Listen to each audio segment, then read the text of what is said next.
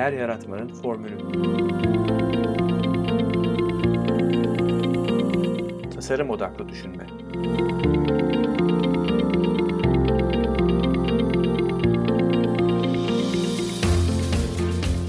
Merhaba, e, Mete Yurtsever ben. Değer Yaratmanın Formülü podcast'inin ev sahibiyim.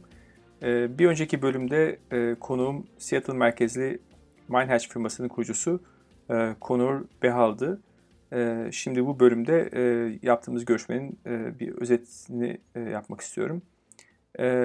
Mindhatch firması tasarım odaklı düşünme, organizasyonel doğaçlama ve inovasyon fasilitasyonu ile şirketlerin sorunlarını çözmeyi, tüketicinin algıladığı değeri ve takım performansını arttırmayı vaat ediyor. Detaylarına görüşmek için de yer vereceğim tabii ama önce Konur'la nasıl tanıştığımı anlatayım. Ben Konur'un bir podcastinde dinledim önce ve konuştukları çok ilgimi çekti. Arkasından web sitesini ziyaret ettim. Merakım daha da arttı ve kendisine bir mail yazmaya karar verdim. Onun tavsiyelerini almak için belki bir kitap tavsiye eder diye. Yani aslında biliyorsunuz böyle mail attığınız zaman hani karşıdakine cevap verir verir mi belli olmaz. Seveceğim bir sesi vardı. Hani insancıl bir insana benziyordu fakat e, emin olamazsınız. E, neticede e, beklentimin de aşan bir şekilde cevap verdi ve e, bir telefon görüşmesi yapmamızı önerdi. E, bunu yaptık ve arkasından e, hakikaten ben e, konuyu biraz daha e, araştırmaya başladım. E, improv'la ilgileniyordu. Yani doğaçlama e, tiyatro ile ilgileniyordu. E, ve bunu iş hayatına sokmuştu e, Konur. E, ben de e, İstanbul'da bu e, arayış içine girdim. E, en son e, yaratıcı drama liderliği kursuyla Çağdaş Drama Derneği'nin tanıştım ve hatta onda iki kur bitirdim. Dolayısıyla çok etkisi olduğunu söyleyebilirim konunun benim e, çalışmama da. Ve bu podcast'e başladığım zaman da onu mutlaka davet etmek istedim ve onun görüşlerini sizlerle paylaşmak istedim. E, Konur e, New York Üniversitesi'nde gazetecilik e, okuyor. E, sinema ve politika yan e, dallarıyla beraber. E, sonra Chicago'da e, uluslararası ilişkiler master yapıyor. E, bir süre o alanda çalıştıktan sonra e, tasarım odaklı düşünmeye e, ilgi duymuş ve e, bundan yaklaşık 8 sene önce e, Wharton Business School'da e, aldığı kurstan sonra bugünkü işini yapmaya karar vermiş. Ee, bugün yaptığı işi e, inovasyon ve yaratıcılık uzmanı olarak tarif ediyor. Bu bazen e, danışmanlık formatında bazen e, fasilitasyon yani toplantı idareciliği, yönlendiriciliği bazen de eğitim formunu alıyormuş. Ben kendisine doğaçlama komedinin iş hayatına nasıl girdiğini sordum. Yine 8-9 yıl önce Washington DC'de yaşarken eğitim hayatı boyunca ertelediği, cesaret edemediği doğaçlama kursuna yazılmış. Aynı dönemde de e, Deloitte e, danışmanlık firmasında inovasyon konusunda çalışmaya ve eğitim almaya başlamış. İkisini aynı anda öğrenirken e, örneğin tasarım odaklı düşünme ve doğaçlama alanlarının e, zihniyet e, ve kullanılan dilin ne kadar benzer olduğunu e, keşfetmiş. E, inovasyonla doğaçlama için uygun ortamı sağlamanın ipuçlarının nasıl benzer olduğunu e, fark etmiş. E, bu arada iş arkadaşları da Harvard Business Review ve işte Forbes e, gibi dergilerde doğaçlamanın iş hayatında nasıl faydalı olabileceği hakkında e, yazılar okuduklarını söylemişler ve ondan kendi müşterilerine yardımcı olmasını istemişler bir session düzenleyerek. Bu şekilde başlamış. Ben sonra büyük danışmanlık şirketleriyle kendisi gibi danışmanların inovasyona bakışında çalışma şeklinde nasıl bir farklılık e, olduğunu sordum. E, tabii onlar da benim bıraktığım şekilde çalışmıyorlar şu anda ama e, yine de bir e, bir çerçeve, bir iskelet var onu takip ettik, ettikleri, e, çalıştığına inandıkları.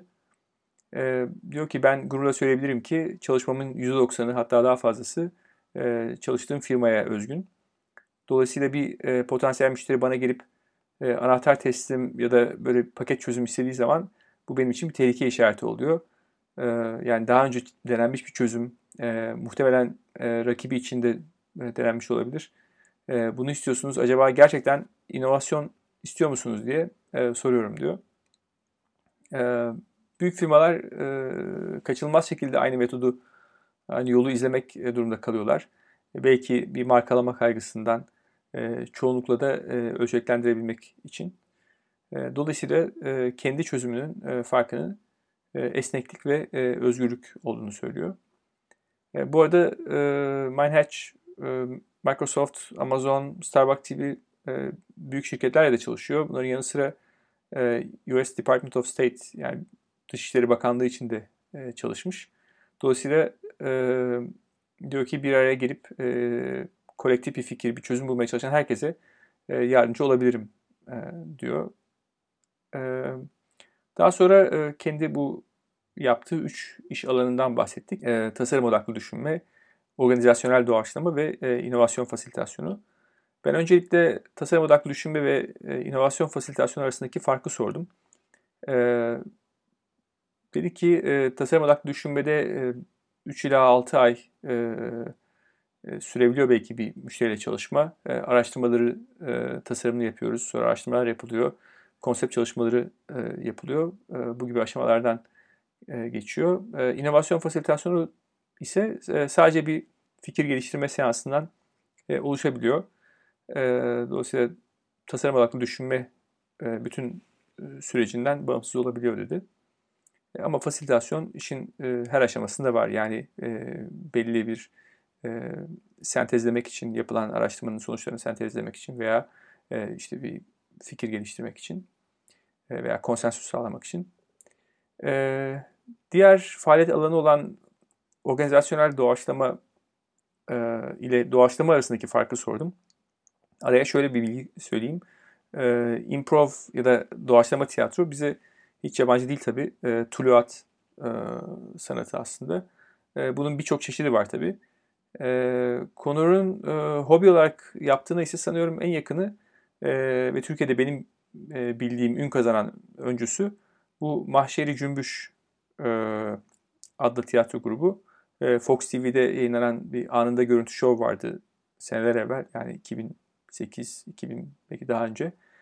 E, tabii ki burada bir seyirci var ve her ne kadar e, onlar katılsa da sürece e, bir gösteri sergilenmek e, amacı var bu tür bir tiyatronun.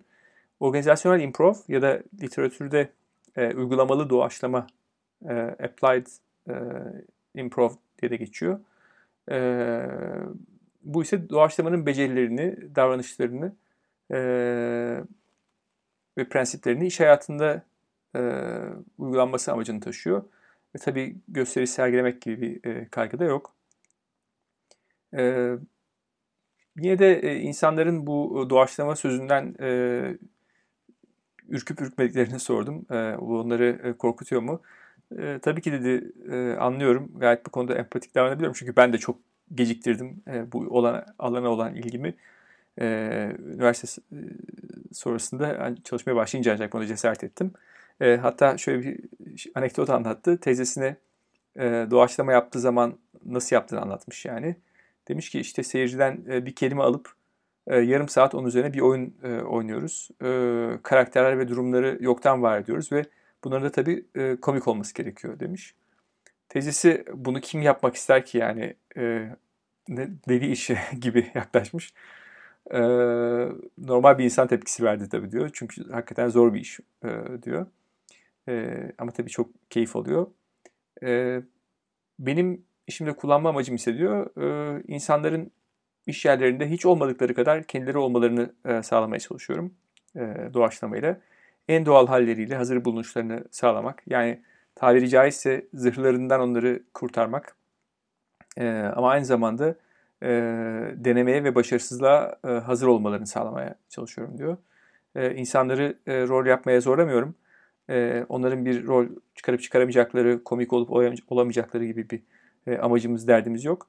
E, tek istediğim sadece doğaçlamanın onlara yaşatabileceği, e, sadece doğaçlamanın onlara yaşatabileceği deneyimi yaşatmak, yeni bir bakış açısı, zihniyet ve davranışı kendi üzerlerinde yaşayarak deneyimlemelerini ve bunları e, işlerine uygulaması hakkında ekip çalışmasında karşılaştıkları zorluklar e, çerçevesinde düşünebilmelerini sağlamak. E, sonra e, Connor'un e, blogundaki bir örneğe atıfta bulundum. E, Pentagon'la da çalışmışlar bir dönem. E, ve bir yönetici şöyle bir ifade kullanmış. Bir post-it e, yazanın bir tüm general mi, er mi olduğuna bakmaz. E, bunu bilmez gibi bir şey. E, bu e, psikolojik güvenlik diye bir kavram var e, bu tarz çalışmalarda veya şirket içerisindeki iletişimde. E, yani bu, bir eleman işte bunu söyledim diye başıma bir şey gelir mi e, diye düşünmemeli. E, bu doğaçlama veya başka tekniklerle çok farklı seviye ve altyapıdaki insanların bir arada bulunduğunda e, rahatça fikirlerini söyleyebilecekleri bir e, ortam e, yaratıyor. E, bu sözde bir fikir geliştirme aşamasında e, bir general ile bir erin görüşü arasında bir ayrım yapılmaz anlamında e, söylenmiş. E, o denli eşitlikçi bir e, yaklaşım. E, öte yandan e, Konur e, geleneksel bir şirkette en üste çıkan yöneticilerin bu noktaya birçok şeye hayır diyerek geldiklerine inandığını söylüyor. E, yani risk almayarak, e, statükoyu koruyarak. Halbuki bugün statüko ile yaşanmıyor. E, değişim bir seçenek değil, e, karşı karşıya bırakıldığımız e, bir reaksiyon vermemiz gereken e, bir durum haline geliyor. Buradan e, doğaçlamayı kullandığı başka bir alanı e, soruyorum. Bu da tercümesi zor bir laf. Bir yazısı var e. Brilliant jerk diyor. Yani onu e, bir parlak zekalı pisliği işe almaktan e, nasıl kaçınırsınız? E, başka bir yazısı var. E, burada e, ben de ona şey hatırlatıyorum. Google'ın e, işe alma usulünde de bu cultural fit e, dedikleri işe alma usulünde birkaç aşama var. E, ama en önemli aşama iş bilgisi değil. Daha doğrusu iş bilgisi tabii belli bir seviyenin üzerinde olması lazım. Onu zaten sağlıyorlar ama e, kültürel uyum e, en önemli kriterlerden bir tanesi. Dolayısıyla e, Kunur da e, adayları standart işe alma prosedürüne ek olarak e, bir doğaçlama seansına sokuyormuş. E, adayların e, geçmişlerini böyle ezberlenmiş e, kalıplarla e, kendilerinden dinlemekten ziyade e, muhakeme, soğukkanlılık, e, dayanıklılık ne kadar eğitilebilir, ne kadar alçak gönüllü e, bir insan olduğunu e, gibi zamanla ortaya çıkacak özellikleri gözlemlemek adına e, çok sağlıklı e, bir yöntem olduğunu söylüyor. E, böylece sonradan oluşabilecek krizleri, elemanların huzurunu bozmalarını vesaire önüne geçebiliyorsunuz diyor. Simülasyonlarla, çeşitli simülasyonlarla gerçek kendilerini nasıl ifade ettiklerini görebiliyoruz diyor. Son olarak değer yaratmanın formülünü soruyorum. Konur e, tasarım odaklı düşünmeyle e, yanıt veriyor. E, neyi çözüyorsun, kimin için çözüyorsun? E, bu bir iç, iç müşteri e, için veya dış müşteri için olabilir, bir e, paydaş için olabilir. E, değer e, bu topraktan yetişecek e, diyor. E, müşterini anlamak için, ona hizmet etmek için yanmıyorsan e, yarattığın her değer boşlukta e, kalacaktır diyor. Yani e, bu dünyada da e, birçok e, problemi olmayan çözümler var e, diyor e, piyasaya sunulmuş olan. E, eğer bunun başına başınıza gelmesini istemiyorsanız e, iş modelinizin, teknolojinizin, çalışanlarınızın kısıtlarını düşünmeden önce e, müşterinizin neye ihtiyacı olduğunu, onun sıkıntılarını anlamamız e, gerekir diye de bağlıyor sözünü. E, Konur Behal'ın yazılarını, e, linkini bölüm notlarında paylaşacağım. Bu konuyla ilgileniyorsanız gerçekten e, okumanızı öneririm. Eğer insan odaklı pazarlama, tasarım odaklı düşünme, davranış ekonomisi gibi konular ilginizi çekiyorsa lütfen bu podcast'a abone olun. E, dinlediğiniz bölümleri beğeniyorsanız, faydalanıyorsanız vereceğiniz yıldızlar ve değerlendirmeler bu yayınların daha çok kişiye ulaşmasını sağlayacak ve tabii benim için de büyük bir motivasyon olacak. Her bölümle ilgili kullandığım ve bahsi geçen kaynakları, linkleri bölüm notlarında sizinle paylaşacağım. Sorularınız varsa bana Twitter'dan veya mete.innolabs.ist e-mailimden bu e-mailde notlarda var. Ulaşabilirsiniz. Podcast'te dinlemek istediğiniz konular, başlıklar veya konuklar varsa öneri olarak bana iletirseniz çok sevinirim. Beni dinlediğiniz için teşekkür ederim. Tekrar görüşünceye dek hoşçakalın.